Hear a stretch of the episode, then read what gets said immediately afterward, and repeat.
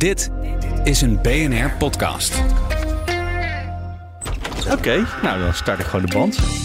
Dit is Studio Den Haag van vrijdag, de 22 december. Dit wordt onze kerstaflevering. Mats, Leendert. eh, We zitten er feestelijk bij.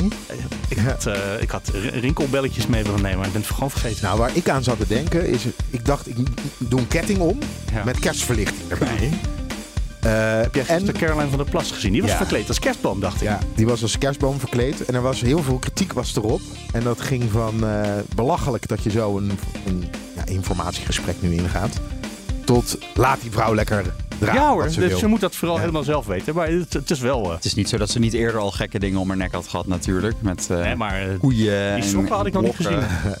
Nee, het is wel weer nieuw. Vorig jaar had ze een, een koe met een grote rode neus. Een soort Rudolph Ja, oh, dat is waar ook. Ja, ja. Ja, Maar goed, dit Nou, is ja, Studio goed. Den Haag met Mark Beekhuis, Mats Akkerman en... Leendert Beekman. Ja. Ja. heel goed. Dankjewel dat je dat zegt. Ja, ik heb het nog nooit gedaan. En ik dacht, nou, aan het eind En van dan het moet jaar... je je eigen naam ook noemen, hè? Ja, maar die- ja, nou, Ja, laat, dat doe jij wel al altijd. Ja. Hey, we gaan eh, de, deze week doornemen. Ik denk dat er impliciet ook wel iets van het hele jaar doorheen gaat uh, sijpelen. Als, je zo niet, eh, als we niet uitkijken. En misschien is dat ook wel mooi. Ja, vorig jaar, ja, dat is wel goed dat je dat trouwens zegt. Vorig jaar stel je nou voor, nou stel je nou voor, vorig jaar zaten we nog midden in landbouw en boeren en van stikstof de week ook weer. en natuurherstel. Ja, afgelopen donderdag zaten we dat ook weer, omdat er over eh, landbouw gesproken werd in de Tweede Kamer. Een debat aangevraagd door BBB, wat mij nog, niet, nog steeds niet helemaal duidelijk was. Eh, ze hadden het debat aangevraagd omdat ze de urgentie ervan wilden benadrukken. Wat natuurlijk terecht was. Want als we terugkijken op het afgelopen jaar, hebben we een half jaar lang eindeloos over agrarische ondernemers gesproken. Want we zijn natuurlijk bij BNR en we hebben het over ondernemers, Mhm. over natuur en natuurherstel, natuurbeheer. Maar na de val van het kabinet is het daar eigenlijk bijna niet over gegaan. Dus dat de dat BBB dat op de agenda wilde zetten, dat begreep ik. Alleen vervolgens in het debat had ik toch wel de verwachting dat BBB dan met wapenfeiten zou gaan komen. Van, Ja. nou, dit willen wij eigenlijk zometeen rondom eh, landbouw. En dat bleef wel uit, waarbij ik me dus afvroeg, want het werd weer een landbouwdebat. Ging alle kanten op. Ja. Waarbij ik me afvroeg, ja, ik moet, ja je doet Bosma er doorheen. Ja, het moet korter. Ja, ik ga je ja, zo uitleggen waarom ik dit doe. eh, ja, dan ben ik helemaal van mijn apropos. Nee, Je maar, snapte niet wat de BBB met het debat probeerde Ja, te wat ze- bereiken. wat en dat nou- snap ik, want op een gegeven moment kwam de vraag... Ja, jullie willen wel alle doelen officieel halen... maar jullie willen niet het beleid wat daarbij hoort. Dus hoe gaan jullie het oplossen? En toen zei de BBB... Ja, daar hebben we eigenlijk eh, op de ogenblik nog geen nee, antwoord op. nee, op de hoe-vraag hadden ze... Dat, dat was En dat is best Pierik. fascinerend voor de partij die hiervoor is opgericht. Ja, daar heb ik nog niet over na. Dat ging heel specifiek ging dat over de verplichtingen in de vogel- en habitatrichtlijn. Dat is het eh, natuurverslechteringsverbod. En hoe wilt u dat handhaven? Dat was de vraag van Zeer te Groot van D66. Waarop Cor Pierik. ehm, en dat is een woordvoerder met kennis van zaken. Ja, want hij die zou het moeten weten. Ja, en ehm, hij zei, ja, daar heb ik eigenlijk nog niet over nagedacht. Dat was een heel pijnlijk moment. later in nog het, bij je eh, terug. Ja. Maar ja, dus, eh, het hele jaar zal er zeker doorheen zijn. Ik vond het overigens ook wel, eh, ik heb dat moment ook gezien. Ik vond het ergens ook wel charmant dat iemand gewoon eerlijk zegt: Dit weet ik even, dit moet ik even checken. Eh, en niet zich eromheen eh, lult met iets wat hij verzint ter Ja, maar als je toch de partij bent waarbij Ja. dit... Ja, ja, zeker. Maar het was wel zijn eerste plenaire debat. Eh, maar inderdaad, iemand met kennis van zaken. We spraken hem voordat hij in de Kamer zat bij BNR ook wel eens als, als landbouwdeskundige. deskundige, ja, dus eh, ja, dat is hij zeker. Toen had hij ook geen antwoord op de vraag hoe gaan we dit helemaal regelen. Maar, Oh, ik weet eh, niet waar we hem toen precies allemaal over hebben gesproken. Ja. Ehm, even goed. Eh, ik gooi af en toe eh, Martin Bosma. er- Dit is ik, de, de nieuwe Kamervoorzitter, voor de volledigheid. Eh, ik heb ook wel eens geroepen dat ik het een hele fijne, prettige voorzitter vind. Maar man, wat is het een irritante voorzitter soms. Als die de hele tijd iedereen zit op te jagen. ja. En dan eh, elke keer eh, iedereen, het- bij elke interruptie, na 10 seconden, begint hij eventjes, ja, even opjagen, even opjagen, snel door en door. Nou, ehm, Is dat iets wat jullie ook ervaren ja, hebben dit, deze maar week? dit was mij eerlijk gezegd... Ja, je hebt het ons eerder gezegd. Is dat mij eerder opgevallen. Hij wil vooral die debatten er zo snel mogelijk doorheen jagen. En het komt niet altijd ten goede van het debat. Want hij begint eigenlijk al met... eh, we gaan vandaag opschieten. Niet te veel interrupties. Punten en kort. Wat goed is om dat te benadrukken. Want we willen ook allemaal weer vroeg naar huis. Dat is, eh, is ook waar. het grote doel voor, van de voorzitter. Om zo snel mogelijk het, het debat ehm, Ja. nou, tot een einde te brengen. Nou, dat lukt. Kunnen we wel constateren in ieder geval. Ja, er was wel een heel pijnlijk moment bij dat landbouwdebat ook. Eh, Harm Holman van Nieuw Sociaal Contract. Hij mocht zijn maiden speech houden. Dank u wel, voorzitter. Ik ben... eh, wacht even. En hij nam daar de tijd voor. Maar hij had vijf minuten spreektijd. En hij dacht tien minuten spreektijd te hebben. Ik ben Harm Holman en ik mag hier staan namens eh Nieuw Sociaal Contract. Ja, hoe kom je hier? Eh, En na vijf minuten kwam Martin Bosma er keihard doorheen. U bent er over uw tijd heen. stikstofuitstoot. Prima. Door middel van generare, generieke bronmaatregelen om de druk op natuur, lucht en waterkwaliteit te verminderen. Breidt u er een eind aan? Waarop Holman zei, ja, maar het is mijn medespeech. Ik had eh, extra spreektijd. eh. Ja, maar u bent al eh, fors door uw vijf minuten heen. Nou, u mag nog iets persoonlijks vertellen, maar dan is het echt afgelopen. Maar als u nog een uh, ik, alineaatje kan... ik zou tien minuten... U, u wou tien minuten, ja. Ja, maar... ja, nee, maar dat zou ik krijgen. Nou, dat dacht ik toch niet. Een grote verontwaardiging bij Holman. Mijn medespeech. Ja, maar dat wil niet zeggen dat ik uw spreektijd ga verdubbelen. Als u nog een mooi persoonlijk verhaal kwijt wilt... Wat Nee, u- helemaal niet. Ik heb nog wat inhoud. Ja, maar ik kan u niet uw spreektijd verdubbelen omdat u een medespeech heeft. Die trouwens ook langzaam sprak, waardoor het allemaal heel lang duurde. Ja, die was ook volgens mij een beetje gespannen. Die veel, was veel mensen zeker gespannen, bij gespannen. hun uh, medespeeches. Maar goed, uh, misschien dat u nog iets kwijt wilt. Ik ben uh, soepel. Ja, ik heb nog een... Ja, nou ja, uh, Keihard afgekapt, zonder mededogen. Hij moest gewoon weg. Het was gewoon klaar. Ja, dat ja. overkwam uh, Thierry Baudet ook. En die droop ook echt af van de week. Uh, die mocht natuurlijk helemaal niet praten op het ogenblik. Nee. Was ook niet zijn medespeech. Geschorst. Nee, dat was niet zijn medespeech. Zeker niet. Maar uh, ze mogen wel stemmen nog, de leden van Forum. Ook al houden ze zich niet aan de regels. En uh, dus Baudet had bedacht, oh dan ga ik bij een heleboel dingen een stemverklaring uh, geven. En dan zeggen wij stemmen hier tegen, want wij vinden namelijk dit en dat en dat. Uh, Bosma zei, ja, je krijgt een minuut. En na een minuut zette hij de microfoon uit. Baudet was nog niet halverwege zijn verhaal natuurlijk. Nee. Uh, en die droop ook echt af. Dat was echt, uh, dat dat betreft is misschien het wel prettig dat hij er een beetje tempo in houdt. Ja, en ik had nog even, want veel analyses geweest over de, de toon van PVV'ers. Ja. En ook Martin Bosma, met alles wat hij gezegd heeft over omvolking en een nep parlement, kan je dan uh, voorzitter van de, eerste, van de Tweede Kamer zijn. Mm -hmm. Maar ook over Wilders. Die werd natuurlijk ook gevraagd: neemt u iets terug? Nou, dat hebben we vorige week gehoord dat hij dat niet doet. Maar ik dacht ook: het is wel heel lastig nu voor PVV'ers om nog gewaagde uitspraken te doen. Want je bent een veelpleger, zullen we maar zeggen. En met veelplegers heb je nou eenmaal wat minder. Ja, als we het herkennen, herkennen we het meteen. Precies. En waar andere Kamerleden, of misschien wel zometeen minister-president uh, Wilders. Wie zal het zeggen? Um, waar, waar Rutte af en toe ook wel eens een keertje iets zei waarvan je dacht van, hmm, zou je dat als minister-president moeten zeggen? Hij zei een keer uh, dat mensen moesten oprotten, geloof ik. In ieder ja. geval, Wilders kan dat dus niet. Want de, eerst, de eerstvolgende keer dat Wilders, mocht hij premier worden, een gewaagde uitspraak doet, zal er gelijk op gewezen worden. Zie je nou wel? Hij is niet veranderd. En dat zal ook voor zometeen PVV-ministers gelden. Ook voor Martin Bosma. Um, en um, ja, voor de nou, Kamerleden. meteen ook vorige week al allemaal kritiek op zijn, uh, zijn speech uh, toen hij verkozen was als ja, voorzitter. een grapje. Die, hij die maakte een on onsmakelijk grapje en uh, maar hij droeg zijn voorzitterschap op aan een wel heel erg zielige doelgroep, namelijk PVV-leden. Ja. Uh, dat, dus dat is precies wat jij beschrijft. Dat op het ja. moment dat PVV'ers iets doen, dat ze toch onder het vergrootglas liggen en dat we dingen eerder zien. Ja, en ik, dat, dat merkte ik ook. Ik zat bij het landbouwdebat en Martin Bosma had al bij zijn sollicitatieprocedure laten weten dat als er emoties zijn op de publieke tribune, bijvoorbeeld Stel, daar komen slachtoffers van de toeslagenaffaire zitten daar. Of gedupeerden uit Groningen. Mag daar ruimte voor zijn? Hij zei, ja, daar mag wel ruimte voor zijn. Maar nu zaten er dus boeren. En die klapten af en toe. En die joelden. En op een gegeven moment had hij er genoeg van. En deed hij. Maar ik vroeg me wel direct af. En daar kan ik dus geen antwoord op geven. Dit is een open vraag. Maar stel je nou ja, voor Mats dat... heeft een... het antwoord op deze vraag. ja, maar stel je nou voor dat het een debat was geweest over asiel en, uh, en migratie. En er zouden mensen op de tribune zitten die een... Uh, die gaan klappen op het moment. Stichting Vluchtelingen of Ja, zo, Stichting. Vluchtelingen. Of um, er zitten, als het over klimaat gaat, zitten er um, um, mensen van uh, Extinction. Extension nou, Extinction Rebellion. Rebellion zitten daar op de publieke tribune. En zij, zaten, zij gaan zitten klappen en joelen. Heeft hij dan net zoveel mededogen voor hen als voor de ja, boeren? Dat gaan we, in het ja. komend jaar gaan we dat vanzelf ontdekken. Ja, ja nou, misschien dat hij ook kunnen zien, heel bewust ervan is. Uh. Er was ook een migratiedebatje uh, ja, vandaag, de, de, deze week. Ja, een twee minuten debat. Maar het grotere debat is een commissiedebat en werd niet voorgezeten door, door Martin, Bos, nee, door Martin Bosma. Nee. Dus dat maakt, dan, dat maakt dan een verschil. Maar ik denk dat het lastig is voor PVV'ers. Want ja, Ja, Ehm, en er was van de week ook een eh, klimaat- en eh, energie eh, de debat natuurlijk. ja, die heb jij En gevolgd, hè? dat eh, ja, Alexander Kops. kan ik dan toch niet laten. Eh, en, nou, en meneer Kops die klinkt in de woordkeus misschien ietsje milder.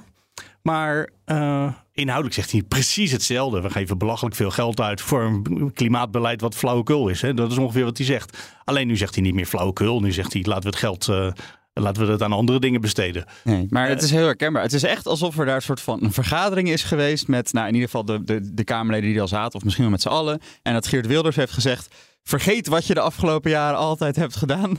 Vanaf nu ben je iets vriendelijker. Eh, ja, ook hij werd wel eh, door Erkens erop aangesproken. Dus ik hoorde een wat eh, mildere eh meer Kops. Ja, voorzitter, ik hoor vandaag een constructievere eh, collega Kops, een constructieve heer De Groot. Dus wat een mooie aftrap zou ik zeggen voor dit eerste Oh. debat. Eh, dat was niet de bedoeling, denk ik, zo te horen. En waarop Erkens de conclusie meteen trok. Oh, dat was kennelijk niet de bedoeling. Ja. Eh, Ja, had dus ook- eh, ze worstelen daar Ja, had ook Tony van Dijk, eh, ook een van de, volgens mij ook een, van- een van die PVV'ers PVV, van ja. het eerste uur van die 2006-lichting al. Eh, die deed de najaarsnota met eh, minister van Financiën Sigrid Kaag. Eh, nou, die hebben af en toe echt ruzie staan maken dat ze eh, beledigd was en dat ze echt naar elkaar stonden te schreeuwen ongeveer in die zaal. Nou, dat was ook, nee, ook weer veel aardiger opeens. Ja, ik heb drie debatten deze week eh, eh, goed gevolgd. De najaarsnota. Ik heb het debat eh, over eh, asiel gevolgd, commissiedebat. En het landbouwdebat dus. En ook specifiek echt even gekeken naar de bijdrage van de PVV. En in de kern zeggen ze niet iets anders. Maar de manier waarop ze hun Ja. betoog opbouwen... is minder provocerend. Ja, dus eh, Gigi Marcus deed het asieldebat. Nou, normaal gesproken zijn we natuurlijk gewoon gewend om de bekende retoriek te horen. Er komen hier te veel mensen naartoe, de grenzen moeten gewoon dicht. En ehm, eh, het is onwil van het kabinet dat het niet gebeurt. Dat is het eh, precies hetzelfde verhaal bij Tony van Dijk op het gebied van financiën.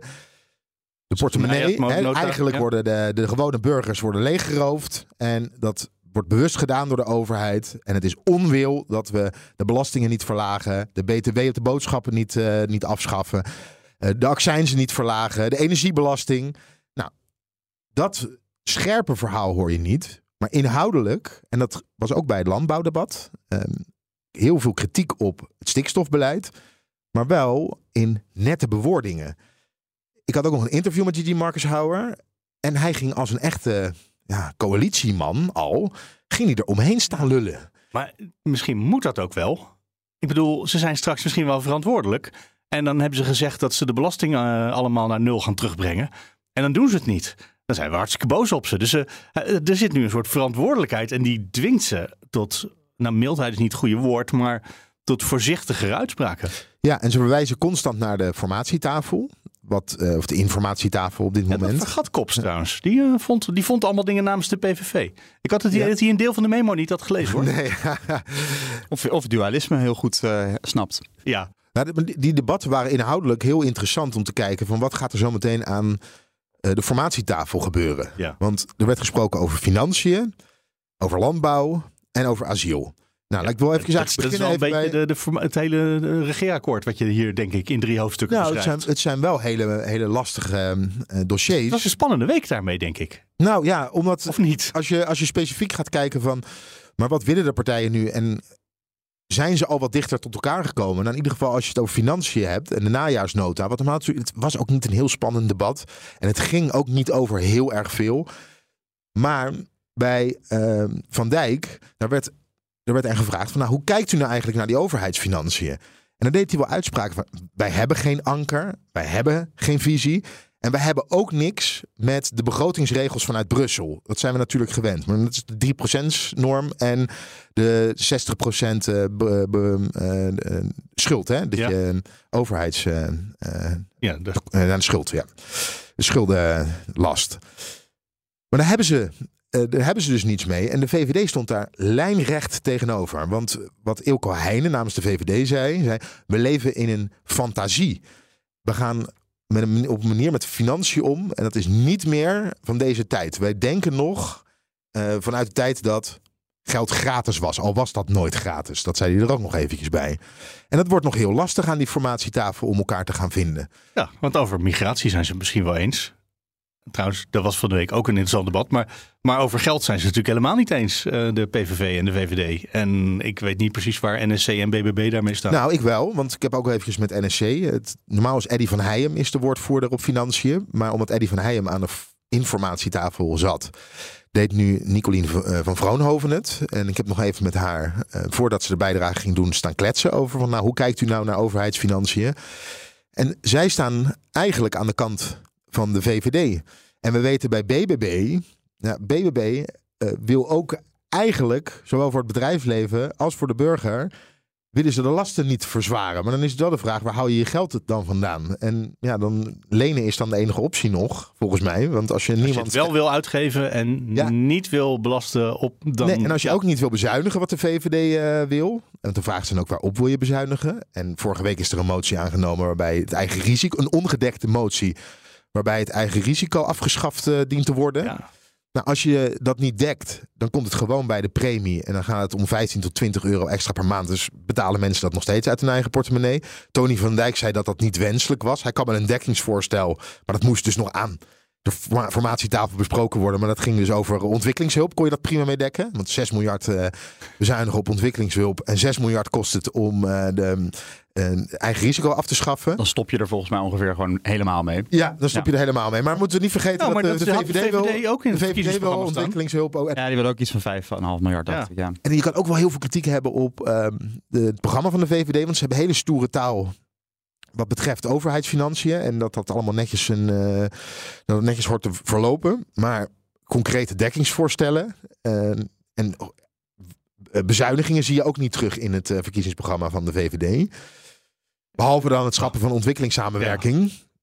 Maar dan ook volledig, want er was 0 euro voor over in het budget. Ja, en dan gebeurde er wel weer iets, iets, iets spannends in het debat. Want eh, GroenLinks Partij van de Arbeid, Tom van der Lee, kwam met een voorstel. Want volgend jaar wordt de eh, belasting op gas, de energiebelasting op gas wordt verhoogd. Elektriciteit gaat omlaag, gas gaat omhoog. Ja, zeker. en Tom van der Lee wilde dat terugdraaien. En dat had er een aantal dekkingsvoorstellen voor. Eentje om dat bij de grootverbruikers te doen. Nou, daar is geen steun voor. Nee. De ander door de banken extra te belasten. Nou, de banken worden al extra belast om het minimumloon te stutten. Want hebben wij al rentes eh, gezien die omhoog gaan? Nee, Ja. dus ze maken nog weer meer winst. Dat was het argument, toch? Ja, en de PVV vond het eigenlijk ook. Hè. Banken moeten, eh, moeten ook een, eh, een- als ze dat niet door, hè, die, die extra rente die ze zelf krijgen van de ECB, 4%. En niet doorberekenen naar de spaarrente van de, de consument, hè, de, de, de gebruikers bij de bank. En als je dat niet doet, dan kan je best extra. Hij zei prima dekking tegen Van der Lee. Maar uiteindelijk is er dus donderdagavond tegen de motie gestemd. Wat weer tegen het zere was van GroenLinks eh, Partij van de Arbeid. En ook van de SP, want zij wilden dat ook doen. Ja. U wilt dit dus en u doet het niet. En dan zag je al die coalitie is zich al aan het vormen. En er was ook een motie waarin opgeroepen werd om uiteindelijk een coalitieakkoord door te rekenen. Ook niet gesteund. Nee. Ja, dus je ziet ook die contouren van een toekomstige coalitie zie je al. Ja, en ze willen allemaal handen vrij houden. Terwijl een van de paradepaardjes van de VVD in de campagne was eh, nog van... wij hebben ons programma wel laten doorrekenen. Nou ja, en NSC eh, gaat over eh, de overheidsbegroting die gewoon netjes en op orde en prudent moet zijn. Ja, die willen hem helemaal doorlichten of zo, begreep ik. Dat is een Engelse term voor, maar die ben ik even Ja, kwijt. wat zij willen is dat er gewoon beter... Spending review, nog iets. Ja, ze willen beter kijken. ehm, ehm, de, de uitgaven die gedaan worden. En want Pieter Omtzigt heeft daar natuurlijk ook een groot eh, punt van gemaakt. Er zijn allemaal uitgaven gedaan buiten de begroting om. Hè? Van die, ehm, eh, bijvoorbeeld in tijd van corona is dat veel gebeurd. Maar ook het energieplafond is daar een goed voorbeeld van. Dat willen zij niet meer. En ze willen ook uitgaven die gedaan worden. Dat er goed gekeken wordt. Wordt dit geld daadwerkelijk uitgegeven aan waarvoor we het begroot hebben? Ja. En kunnen we het geld eigenlijk uitgeven? Daar hebben we toch de Algemene Rekenkamer voor? Ja, maar de Algemene Rekenkamer zegt elk jaar dat het dat het allemaal beter moet. Precies zoals NRC dat... eh, ja. Maar dus dat weten we allemaal al. Dat eh, de ministeries zijn eh, niet per se financieel helemaal zindelijk. En het- ja, het politieke stuk van de invloed van de Tweede Kamer. Want je, je zegt je echt buiten de begroting is behandeld. Maar het is vooral zonder vooraf toestemming van de Tweede Kamer. Ja, ja. wat daar de consequentie van is. Eh, en dat mag, juridisch kan het allemaal, maar het is, heel, het is niet netjes. Nee. Dus uh, nou goed, we gaan zien wat er komt. Maar je ziet dat die vier partijen, partijen elkaar echt wel uh, willen vinden. Maar het is niet vanzelfsprekend dat ze elkaar ook echt tot het einde de hand kunnen blijven vasthouden, toch? Nee, dat, nee niet per se. Maar goed, inderdaad, zolang deze gesprekken lopen, stemmen ze wel dingen op elkaar af. En ik heb, ben ook inderdaad ook even een beetje door de gang gaan lopen, met mensen praten. Uh, en ik, ik, sprak daar iemand die vertelde... Um, nou ja, het is een beetje wat hier eerst in de coalitie zo was. Dat als er een motie kwam, dan besprak je dat even met z'n vieren. Je ging elkaar niet verrassen en opeens voor het blok met iets zetten. Dat is precies wat ze nu met die vier formerende partijen ook al hebben afgesproken. Um, voor de time being, want we weten natuurlijk niet hoe het gaat lopen, die gesprekken. Het zou nog best wel kunnen dat het toch stuk loopt. Uh, maar je gaat elkaar niet nu, terwijl je probeert tot elkaar te komen, natuurlijk in een andere zaal uh, voor het blok zetten. Toch, want bij het uh, klimaat- en energiedebat uh, er is een soort niet-aanvalsverdrag, hè, zoals jullie dat uh, in de uitzending graag noemen, tussen de vier coalitie, beoogde coalitiepartijen. Maar daar ging toch NSC, uh, Wietske Potsma, die ging wel met Kops van de PVV over het nut van klimaatbeleid in discussie. En u, u, vindt het echt allemaal grote flauwekul? Ja, ja, ik vind het echt allemaal grote flauwekul. Oh, maar wij vinden het heel erg belangrijk. dat is een beetje, het was wel een beetje, het was niet hard. Maar dat zijn dacht, hey, Nou ja, dacht, kijk, die hij heeft die memo gemist, maar zij misschien toch ook voor dat stuk. Nou ja, het is niet, denk ik niet gek om als partij eh, in een debat te benadrukken waar je zelf nog steeds voor staat. Het andere andere zag in coalitiepartijen ook dat partijen soms zeiden van eigenlijk vinden wij zelf dit en zouden we het liefst verder gaan. Mhm. Maar we zitten in een coalitie, dus dit is dan het hoogst haalbare, want die anderen willen het niet. Eh, dus je mag natuurlijk nog best wel markeren waar je zelf staat. En Eh, dat je nou, maar dus, bij dat andere je dus met stelden ze elkaar binnen die beoogde coalitie helemaal geen vragen. En dat gebeurde hier ineens wel. Dus dacht ik, oh wacht eens even. Misschien omdat ze op, op- in die debatten meer op één lijn liggen. En bij klimaat ligt dat natuurlijk best wel ver uit elkaar. Of Ja. je zegt klimaatprobleem bestaat niet. Of klimaatprobleem is de grootste bedreiging voor de aarde. Of Ja, alles wat maar ik zit. denk ook vorige week dat debat over de, uits- de, de verkiezingsuitslag. Dat is Ja, natuurlijk een heel politiek debat ook. Ja, Ja. daar werd eh, Wilders natuurlijk niet door omzicht onder vuur genomen. Dat viel toen heel erg op. Ja. Ja, want als je het dan over rechtsstatelijkheid hebt, en dat is de kern van jouw partij, dan is het wel handig om dan Wilders op het moment dat je hem kan spreken daarover, even onder vuur neemt. Eh, verder nog, het asiel- en migratiepact werd gesloten Ja, in, eh, in in Brussel. Brussel. En daar heeft natuurlijk de PVV niks mee. Maar dit is wel wat ze willen. Ja, en er is vaak Dat is naar- ook moeilijk voor zo'n partij. Want de instroom moet beperkt worden, om het even kort uit te leggen. Eh, het eh, asiel- en migratiepact, waar het op neerkomt, een betere screening aan de grens. En dan vooral de zuidelijke landen, dus Italië en, en Griekenland. Zij gaan kijken wie wel en niet kansrijk zijn om uiteindelijk de asielprocedure in te gaan. Met allemaal regels daarbij. Zal ik even buiten beschouwing laten. En als het allemaal uit de, de spuigaten uitloopt, moet er een eerlijkere verdeling in Europa moet er komen. Dat is zo tegen elkaar uitgeruild. Maar het is wel duidelijk, het gaat sowieso pas in 2026 in. Maar dat dit niet de heilige graal gaat zijn. Dat de instroom daardoor op korte termijn in Nederland niet beperkt gaat worden. Dus waar Maar dit is wel waar Mark Rutte een jaar lang mee geschermd heeft. Toch? Die zei, ik Precies. ga het allemaal voor u regelen in Brussel. we gaan het allemaal in Brussel regelen. En toen het eenmaal gebeurd was, beseft iedereen zich ook wel van ja, dit is niet genoeg. Wij zullen ook uiteindelijk nog met elkaar aan tafel moeten gaan zitten. Om te kijken hoe we dan die instroom op korte termijn in Nederland alsnog gaan beperken. Ja, en daarover sprak ik eh, Marcus Houwer dus eh, na afloop. Ik zei, hij draalt er een beetje omheen. Maar ja, staat u nog achter uw verkiezingsprogramma? Want we, wij hoorden klare taal altijd hè, van de PVV. Gewoon de grenzen dicht eh, en niemand meer binnenlaten. Ja, en die harde taal eh, hoor je niet meer. De grenzen hoeven niet dicht van de PVV. Nee, en ook de, de hoe-vraag tijdens dat debat, de, ehm, en ook vanuit Nieuw Sociaal Contract, hoe ga je het dan wel doen, wordt niet beantwoord. En de opt-out, want die motie is vorige week aangenomen, Nieuw Sociaal wilden niet Contract- meedoen met het Europese beleid. Als Nou, som- we wilden er vanaf kunnen wijken. Ja, eerst eh, eigenlijk staat erin van eh, er moet besproken worden bij een verdragswijziging. Bijvoorbeeld als er een lidstaat bij komt dat wij een opt-out gaan bedingen. Dat moet eh, bepleit worden in, in Brussel. Maar er zit wel een maar aan wat een nieuw sociaal contract betreft. Op het moment dat de Europese asiel- en migratieregels niet blijken te werken. Nou, dat weten we pas over een paar jaar. Ze gaat Dus- er wel pas in over een paar jaar. Ja, dus die opt-out is ook is nog geen, inderdaad is ook geen naar de handhaving en de uitvoering. de opt-out is ook geen optie op korte termijn. Dus was de vraag aan eh, Caspar Veldkamp van Nieuw Sociaal Contract. Wat is uw oplossing dan nu op korte termijn? Had hij geen antwoord op. Toen begon hij ook uiteindelijk, na veel doorvragen, zei hij... Ja, we moeten even kijken naar, eh, naar nareizen. Nou ja, daar is het hele kabinet op gevallen. Dat gaat om een heel klein groepje nareizigers. Dat gaat geen significante verlichting geven wat betreft de instroom van asielzoekers. En dan hebben we nog het debat over eh, de landbouw. En dan eh, stop ik mijn betoog van eh, dik een half uur. Maar U bent er uw tijd heen. ja, Ja. ook daar Ik sta wat coulance toe. ja. maar ook daar zag je, partijen denken er heel anders over na. En de kern van het probleem zit daar net even anders dan bij asiel. Want daar is iedereen het wel over eens dat we die instroom moeten beperken. Dus de probleemstelling zijn we het over eens. Bij natuurbeleid, want daar gaat het uiteindelijk om. Hè. We moeten de natuur niet verslechteren, dan wel herstellen.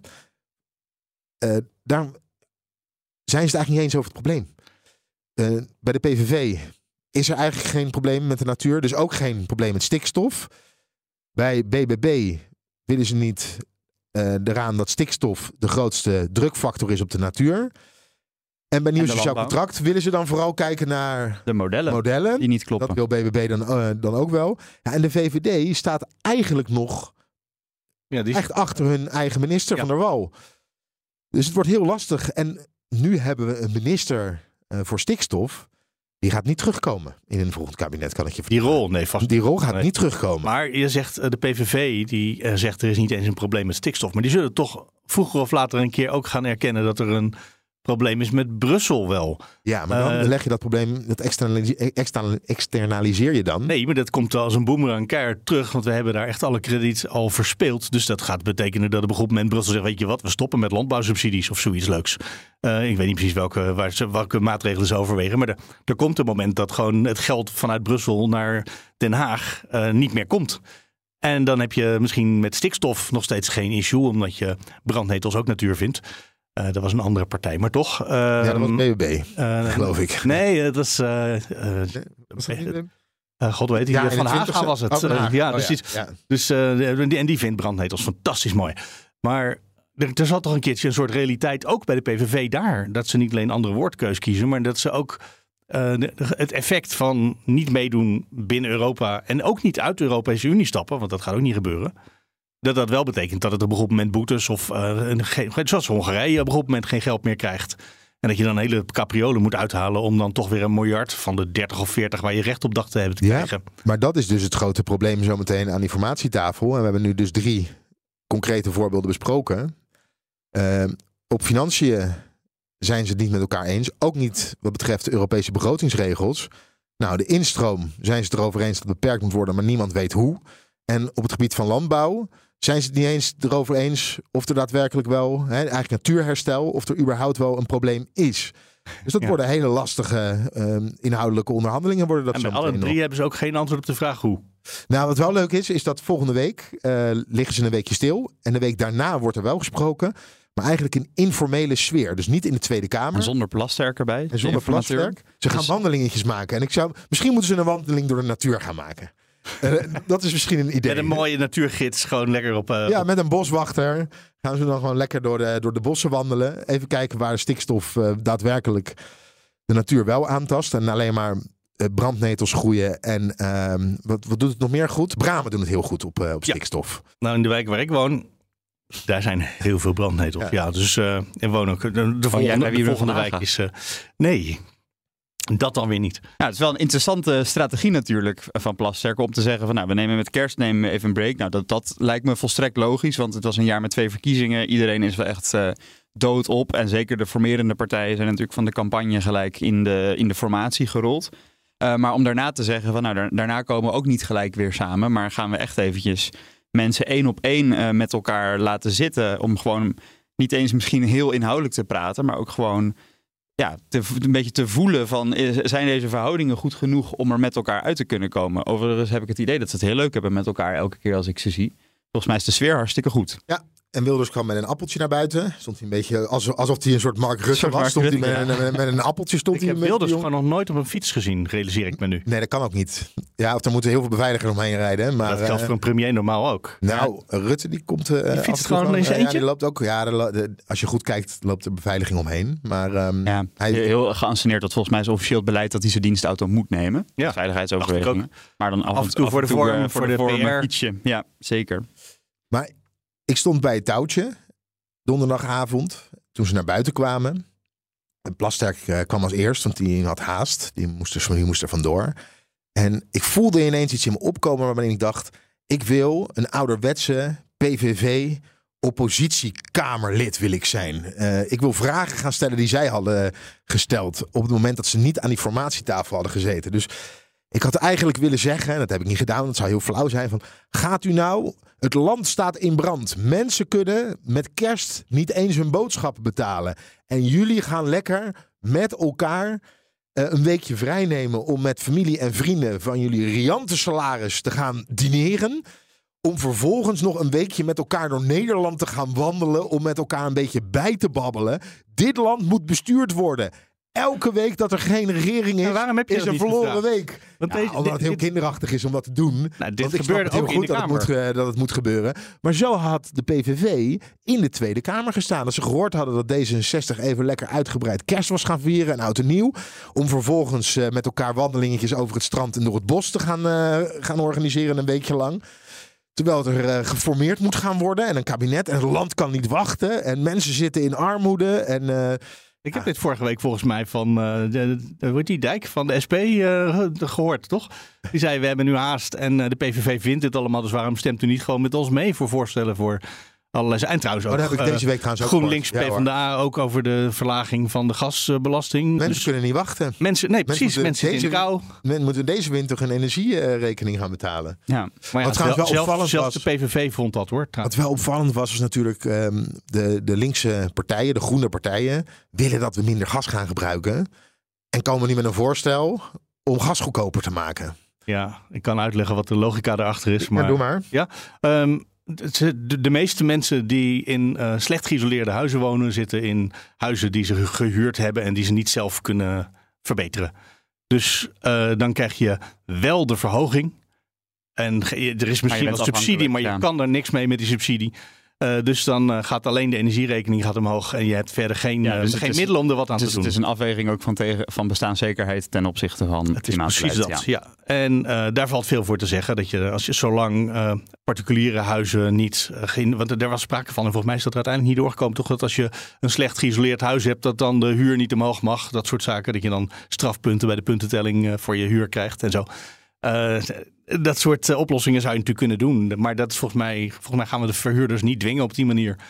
En de woningcorporaties zijn leuk bezig. Maar die zijn ook eh, in hun project. Maar dat duurt gewoon jaren voordat die eh, al hun huizen hebben aangepakt. Nou, het was goed nieuws geweest voor Wiebren van Haga als de energiebelasting op gas daadwerkelijk niet verhoogd zou worden. Want ik, ik hoorde. Hij heeft al zijn wachtgeld was- nodig voor zijn gasrekening. Ja, 1500 euro per maand. Ik weet niet in wat voor kasteel hij woont en of hij daar de hele dag. een Kastelen, want hij heeft heel veel plantjes. Ja, of hij de hele dag zijn gas, eh, de, zijn kachels aan heeft staan. Maar dat is een flinke rekening, eh, 1500 euro per maand. Ja, dan heb je wel meer dan twee kamers, denk ik. Ja, dan wel meer dan twee kachels. Ja. Misschien nog even terug naar de formatie. Want Ja. we weten eh, natuurlijk niet waar ze over praten. Hè. Plasterk heeft radiostilte aangekondigd. Eh, nou, daar En iedereen houdt zich eraan. Iedereen houdt zich daar heel goed aan. Eh, wat we wel weten is dat het advies van Plasterk natuurlijk was... praat eerst over de grondwet en de grondrechten. En wat ik dan wel opvallend vond afgelopen week... ehm, iedereen heeft secondanten, dus mensen die ze meenemen naar de onderhandelingen. Dus iedereen heeft altijd één persoon bij zich. Ehm, maar bij de VVD was het zowel woensdag als donderdag zo... dat Dylan Jessicus, de partijleider, niet erbij was... en dat de twee secondanten met elkaar kwamen. Ja. Ehm, en dat ik wel dacht, ja, als er nu nog over de grondwet wordt gepraat, nou, of ze zijn er na één dag al uit, dan heb je er heel kort over gepraat, was je het sne- toch snel uit. Ehm, of eh, de grondwet, eh, dat kunnen de secundanten ook wel bespreken. Dat zijn bij de VVD trouwens eh, Sophie Hermans, die ook eh fractievoorzitter lang wel is een redelijk geweest. prominent VVD'er. Zeker, en eh, zij heeft die vorige kabinetsonderhandeling heeft ze ook heel veel gedaan, omdat Rutte als premier er lang niet altijd bij kon zijn. Dus zij heeft heel veel voor meer ervaring. Zeker. Eh, en de andere secondant is Eelco Heijnen, de financieel woordvoerder. Ehm, dus ja, dat zit toch iets verder van grondwet en grondrechten af. Maar ik denk dat die, die rechtsstatelijkheid, want het was oorspronkelijk de bedoeling om het wat groter te maken dan alleen over de grondwet te praten. Want die is er gewoon, daar hoef je niet heel lang over te discussiëren. Ehm, daar zijn ze nog niet uit, want dat zouden we wel weten, toch? Als je, je, hebt, je hebt die vier partijen en die zijn eruit, dan zou wel bijvoorbeeld met iemand zeggen. Nou, in dat, in dat dat, de rechtsstatelijkheid, daar komen we wel uit met nou, z'n in het debat vorige week, toen het erover ging, was de vraag ook: willen we een tussen. En daar Ja. heb ik een debat over. Nee, maar ik denk dat er zou niet een officiële brief komen, maar daar zou toch, daar zou een briefje kunnen komen trouwens. Maar een een van die secundanten zou een keertje laten vallen. We zijn er wel uit dat ze de met de rechtsstatelijkheid hebben opgelost. Dat zou gele- gelekt zijn, denk ik. Hmm. Waarom het is goed nieuws? Waarom zou je dat niet lekken? Ja, weet ik niet. Ehm, En ja, niet, niet lekken is een teken dat je elkaar dus kan vertrouwen. Dus, ja, ehm, maar je kan zelfs met elkaar afspreken dat je dit detail wel lekt met z'n allen. Ja, maar ja, goed. Nou, het goed, is in ieder geval niet het, eh, het plan van Plasterk om dat niet te doen. Maar goed, ik, eh, terwijl iedereen voor de deur stond te wachten op eh, de formerende partijen die naar buiten zouden komen voor de laatste dag voor hun kerstpauze, was ik als enige bij Dylan Jessicus van de VVD. Want gevonden. die had een commissiedebat over politie. Dat was de reden dat ze niet bij de onderhandelingen Oh, ja. was. Ze was twee keer had ze debatten als minister. Dus een heel goede, goede reden om er niet te kunnen zijn. Want ze moet haar werk gewoon doen. Maar ik sprak haar dus ehm, ja, of je gesprekken over die grondwet en grondrechten, of je dat wel kan toevertrouwen aan de secondanten. Zeker. Eh, het gaat over hele belangrijke zaken inderdaad. De fundamenten van onze rechtsstaat, onze grondrechten. Wat gebeurt er als die botsen? De grondwet. Ehm, en ik heb eh, delen van de gesprekken eh, meegemaakt. En de secondanten kunnen dat ook heel goed. Je wordt goed op de hoogte gehouden. Zeker, ik word heel erg goed op de hoogte gehouden. En ondertussen ben ik hier in de Tweede Kamer bezig met wetten maken. En juist mij ook in te zetten voor degene die onze rechtsstaat beschermen. Dus ja, dan is het eh, dubbel mooi. Dubbel mooi. En eh, wat ik hier wel uit opmaak is dus dat er nog wel over die grondwet en grondrechten op dit moment Ja, wordt gepraat. wat ik dat zei. zei ze niet letterlijk, maar dat, eh, zo, het klonk niet als eh, van daar zijn Dat we hebben we opgelost. Nou, Ja. dus, precies, dit was een gesprekje waarin ze dat zo even... Nee, dat hebben we al opgelost, joh. We zijn nu inmiddels bezig met fase 3. Ja, precies. maar Maar het is toch meerwaarde hè, dat ik daar beneden in een heel gek hoekje voor de commissiezaal dat je dus, ineens tegenkwam. in Ja. eentje, nou niet tegenkwam, be- doelbewust op haar stond te wachten. Ja. En ik vraag me wel af wat er bij de VVD nu aan de hand is. Want deze week dook Erik van den Burg weer op. Onder andere bij het commissiedebat. Maar maandag eh, sprak RTL hem ook al. Want vorige week was hij er natuurlijk niet. Hij eh, was er niet bij het, de stemming over een nieuwe Kamervoorzitter. Hij was er ook niet bij de stemming over nou, uiteindelijk de wet. of de, de motie over de spreidingswet. Ja, Hè, dat om de- in de op- ijskast even moest. Nou ja, Dat de Eerste Kamer het uit moest stellen. ja. Dat, En maar dat is, dat het- afgezwakt. Ja, precies. Hij was ook niet bij de ministerraad. Ehm, volgens zichzelf was hij gewoon thuis aan het werk. Maar er schijnt wel. eh, er zijn harde woorden gesproken vorige week eh, in, de, in, in de ministerraad. Hugo de Jonge. Zover ik het gehoord heb, is Hugo de Jonge. eh, heeft zijn ongenoegen heel duidelijk laten blijken richting uh, Gus over de gang van zaken. Ik kan me daar iets bij voorstellen. Ook. heeft het opgenomen voor, eh, voor Van den Burg. Eh, en Van den Burg. Ja, het is allemaal uit de wandelgangen. Dus dit, is, dit, is al, dit is al glad ijs ook voor eh, duiders, zoals we dat zelf dan moeten noemen. Maar die heeft in ieder geval, eh, ook ontkent hij dat, is er over nagedacht van moet ik nog wel verder gaan? En we hebben het er al eerder over gehad. Binnen de VVD-fractie is er natuurlijk een richtingenstrijd gaande tussen de Ja, wat progressieve liberaleren, of misschien liberalen zoals ze zichzelf eh, denk ik liever noemen. ja, tussen de liberalen en de conservatieven. Ja. Precies. Maar die vleugels die zijn altijd in die partij aanwezig. En Erik van den Burg staat echt helemaal aan de linkerkant van het liberale spectrum, zullen Ja. we maar eens even zeggen. Hij is de nummer vier op de lijst. Hij is nog staatssecretaris. Nou, ik denk niet dat we nog een keertje over toch de hele rare motie t- hoeven te hebben van vorige week. En ook rechtsstatelijk hoe gek het was dat het ingediend werd door een Dat hebben wij heel goed gedaan in jouw afwezigheid. Ja, precies. Eh, maar Van den Burg zitten ze er misschien wel een beetje mee in hun maag. Want Van, de, van den Burg is toch echt wel van mening dat, waar nu over gesproken wordt, die rechtsstatelijkheid, dat dat lastig is om daar afspraken over te maken met een populistische politieke partij. Mhm. En ik denk dat hij daar, zeker naarmate de, dat het nu ook nog een, een streek geflikt is, dat hij daar misschien nog wel wat sterker in zal vol, volharden. Dus dat gaat nog wel een staartje krijgen binnen die VVD-fractie. Ook eh, Van der Wal staat aan de kant van, van de Burg. En er tegenover staan Bente Becker. Ehm, onder andere. Je zelf. Zelf. Misschien Brekelmans. Brekelmans, die staan daar, eh, die staan Ja. tegen. En, en, en eh, Thierry Aartsen. Ook. Die staan daar tegenover. Maar het is, een, eh, het is een lastige discussie binnen de VVD-fractie. En daar is echt wel wat gaande. Dat, is, dat, dat blijft onder de radar. Maar het is, het is hommeles. Ja, ik zit ondertussen even te scrollen op de Eerste Kamer website. eh, want ik probeer een debat terug te vinden. En ik kan het, die kan het zo snel niet meer vinden. Maar daar gebeurde namelijk in de Eerste Kamer ook iets geks bij de VVD. Ik weet niet of jullie iets hebben meegekregen deze week. Ja, Ehm, die fractie eh, die ging eh, ook, eh, die wilde wel de spreidingswet volgens mij gewoon behandelen. Ja, nou, ik, ik Die, ben zei, vergeten wat het- die zeiden we gaan over onze eigen agenda als Eerste Kamer. Ja, en er was een eh, ander debat. Daar, probeer ik nu te bedenken welke het Ja, was. dat en dat was met lukt niet meer Jette. zo snel. Eh, Met Rob Jetten over het, inderdaad. ja, Eh, ging over energie. En er, er zijn... Er, ja, er en is, over het klimaatfonds ging het onder andere. precies. Ja. En daar, want daarom keek ik ernaar. Ik zat te denken, waar, keek, ik- waar zocht ik nou toch ook weer naar? Maar inderdaad, ik zocht iets naar eh, energie en klimaat. In de Tweede Kamer zijn daar eh, allerlei moties ingediend om het beter te maken, zou ik maar zeggen. Er waren plannen van de regering. De Tweede Kamer ging mee aan de slag. En de VVD is daar tegen. En die probeerde in de Eerste Kamer met precies omgekeerde moties de verandering in de Tweede Kamer weer ongedaan te maken. Wat natuurlijk echt een hele rare vorm is. Dat je dus zeg maar de politiek in de Eerste Kamer alsnog probeert te organiseren. Die in de Tweede Kamer verloren. Daar is namelijk de Eerste Kamer niet voor. Het mag wel, het kan juridisch. Maar daar werd ook de VVD weer eh, heel erg op aangesproken. Van halen jullie de Eerste en de Tweede Kamer nou alweer door elkaar? Ja, Maar dat is eigenlijk wel wat er gebeurt. Eh, dus eh, ja, wat jij zegt, het rommelt in die partij. En dat zal vast nog en de- Is die partij toe aan regeren op het ogenblik?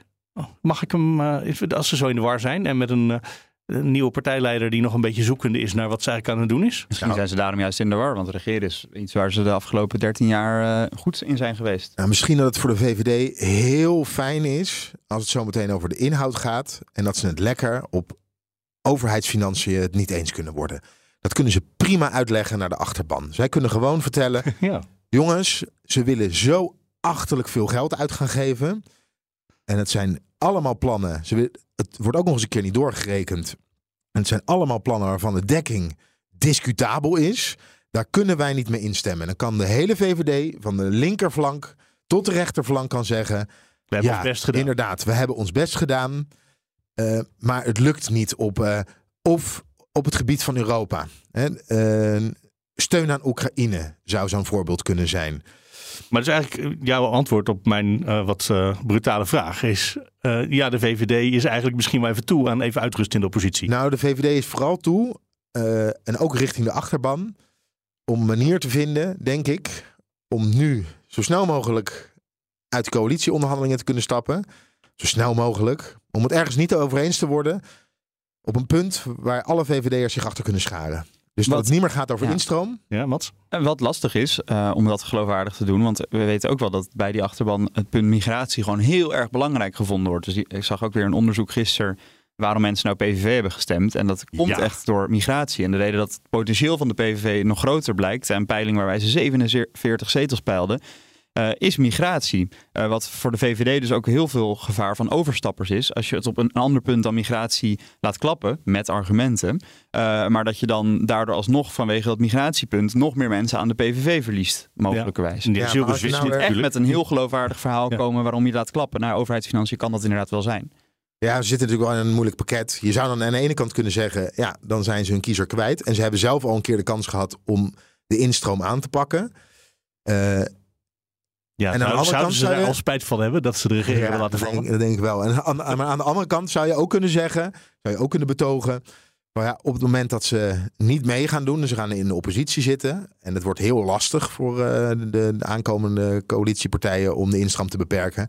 Dan kunnen ze daar lekker kritiek op, eh, op hebben. En bij een volgende verkiezingen zeggen. Wij gaan het alsnog oplossen. Want kijk, zelfs de PVV, waar u het zoveel hoop eh, op had, is het niet gelukt. Ja, ik vond wel trouwens, dat onderzoek wat je aanhaalt, Mats, ik vond wel ehm, op een bepaalde manier geruststellend dat mensen niet gewoon alleen maar een proteststem hadden, maar gewoon ergens voor gestemd hebben. Ook al neigt het naar racisme soms. Eh, maar in ieder geval, dus dan hebben ze gezegd, nou oké, wij, willen, wij willen graag eh, een regering die wat extremer naar rechts eh, kijkt. Ja. Ik vind overigens dat racisme ook, dan zeg je eigenlijk dat een derde van Nederland in potentie racisten zijn. Dat vind ik ook niet helemaal. Oh, dat, ja, dit- die conclusie kun je eruit trekken hoor. Maar dat, dat, ik, ik, nou, ik denk ook dat een derde van Nederland daar best wel open, open voor staat. Ja. Het was zo van de week een onderzoek uh, waar het uh, vor, ja, vorige week ja. vrijdag. Uh, racisme zit overal in onze samenleving en ook door de hele overheid heen. Dat was van eh, de, de Nationaal Coördinator Oh, niet van eh. Discriminatie eh, en Racisme. Oké, Ehm, nou hier. Maar dat, dat klopt dan toch met elkaar. Als, een- als zo de nationaal coördinator die hier Ja. verstand van zaken van heeft, een rapport uitbrengt. En als dan een derde van Nederland daarin meegaat. We hebben het hier al vaker over gehad. En ik, heb het, ehm, ik, ik ben even zijn, eh, zijn naam kwijt. Oud-wethouder Ja. voor, de partij, voor de Partij van de Arbeid in Den Haag. Ja. Een man van Surinaamse eh, komaf.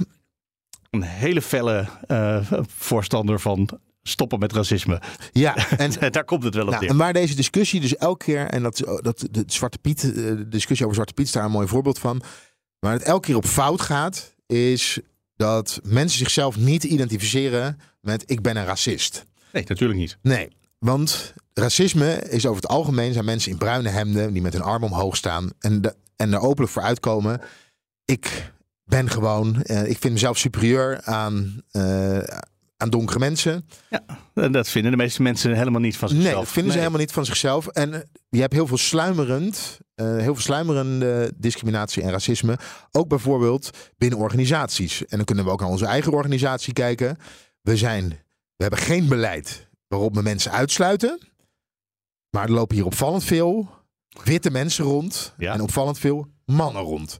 En dat betekent niet dat er hier sprake is van ehm, bewust institutioneel racisme.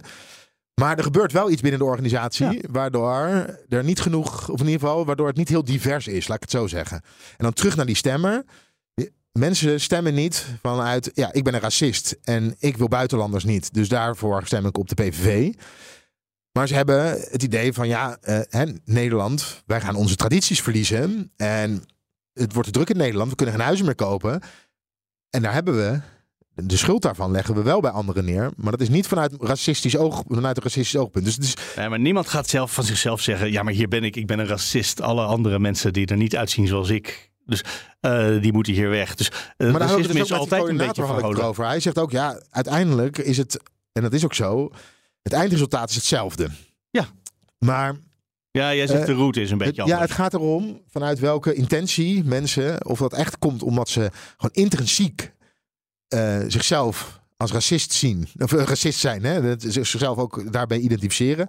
En dat, doet, dat doet bijna niemand in, in, in Nederland. Maar Timmermans zei er nog wel iets interessants over bij Buitenhof. Hij zei van ja, we moeten niet vergeten. Mensen zeggen nu, en we horen we van ja, er is het PVV gestemd. Omdat mensen zich zorgen maken over van alles en nog wat. Maar we weten natuurlijk wel, en dat kan niemand ontkennen. We weten wel al waar de PVV 17 jaar lang voor staat. We weten hun standpunten rondom eh, de islam. En dat wordt dus voor lief genomen. En dat is een beetje hetzelfde als in een stadion gaan zitten en meezingen met antisemitische liedjes. En zeggen van ja, maar ik ben geen antisemiet. Dus wat ik nu roep kan ook niet antisemitisch zijn. Eh, dat klopt natuurlijk. Die vlieger gaat niet helemaal op. Op het moment dat je er, erbij bent, met, met je volle bewustzijn erop stemt of met zo'n liedje meezingt. Ja, dan eh, geef, je wel, geef, wel, geef je wel ergens je mandaat aan. En dat Ja. is ook, maakt mensen ook niet gelijk eh, racisten natuurlijk. Maar ik denk dat er best wel veel mensen zijn. Ik denk, iedereen kent wel mensen die zeggen van ja, ik ben niet, ik heb, ik heb niks tegen de islam. Maar ik vind sommige van hun standpunten van, van dat geloof. Vind ik wel lastig, zoals eh, de rolverdeling van man-vrouw. Zeker. Ehm, en waardoor dat misschien dus wel dat anti-islam standpunt, misschien niet in de heftigheid waarin Geert Wilders daarvoor pleit in zijn programma, maar dat, dat sentiment van ja, dat past niet heel erg in onze samenleving, eh, dat dat dus door veel mensen wel wordt gedeeld. Want daardoor zie je dus dat ze nou ja, in, nu in een peiling richting de 50 gaan.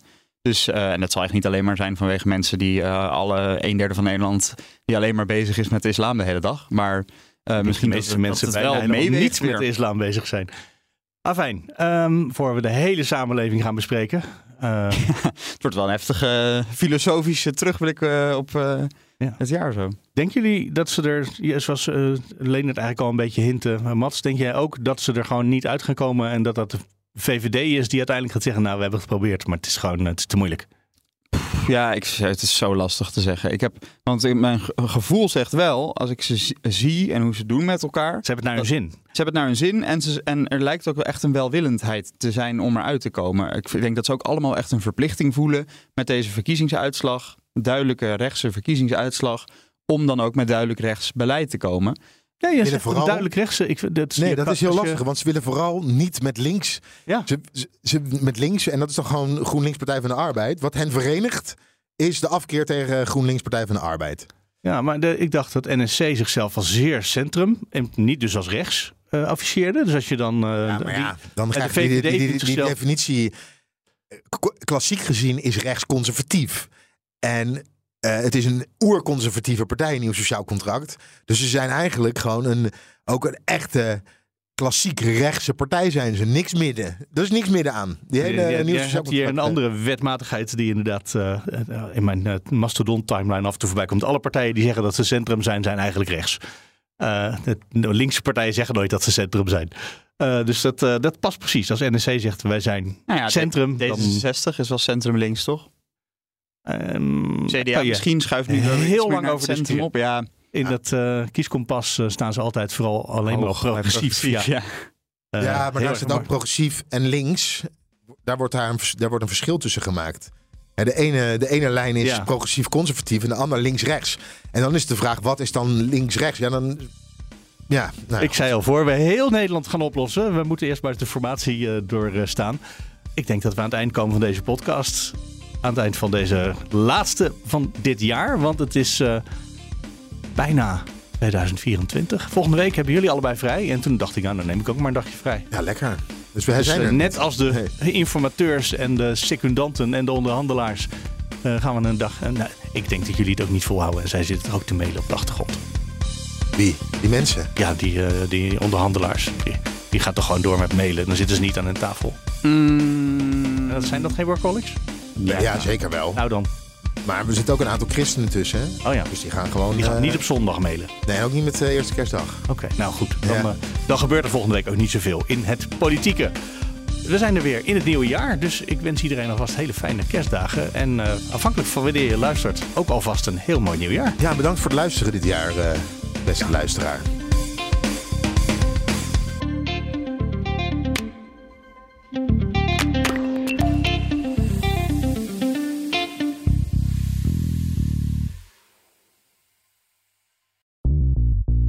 Bij BNR ben je altijd als eerste op de hoogte van het laatste nieuws. Luister dagelijks live via internet. Bas van Werven. En heel langzaam komt de zon op rond dit tijdstip. Je krijgt inzicht in de dag die komt op BNR, het Binnenhof in Nederland en de rest van de wereld. De Ochtendspits. Voor de beste start van je werkdag. Blijf scherp en mis niets.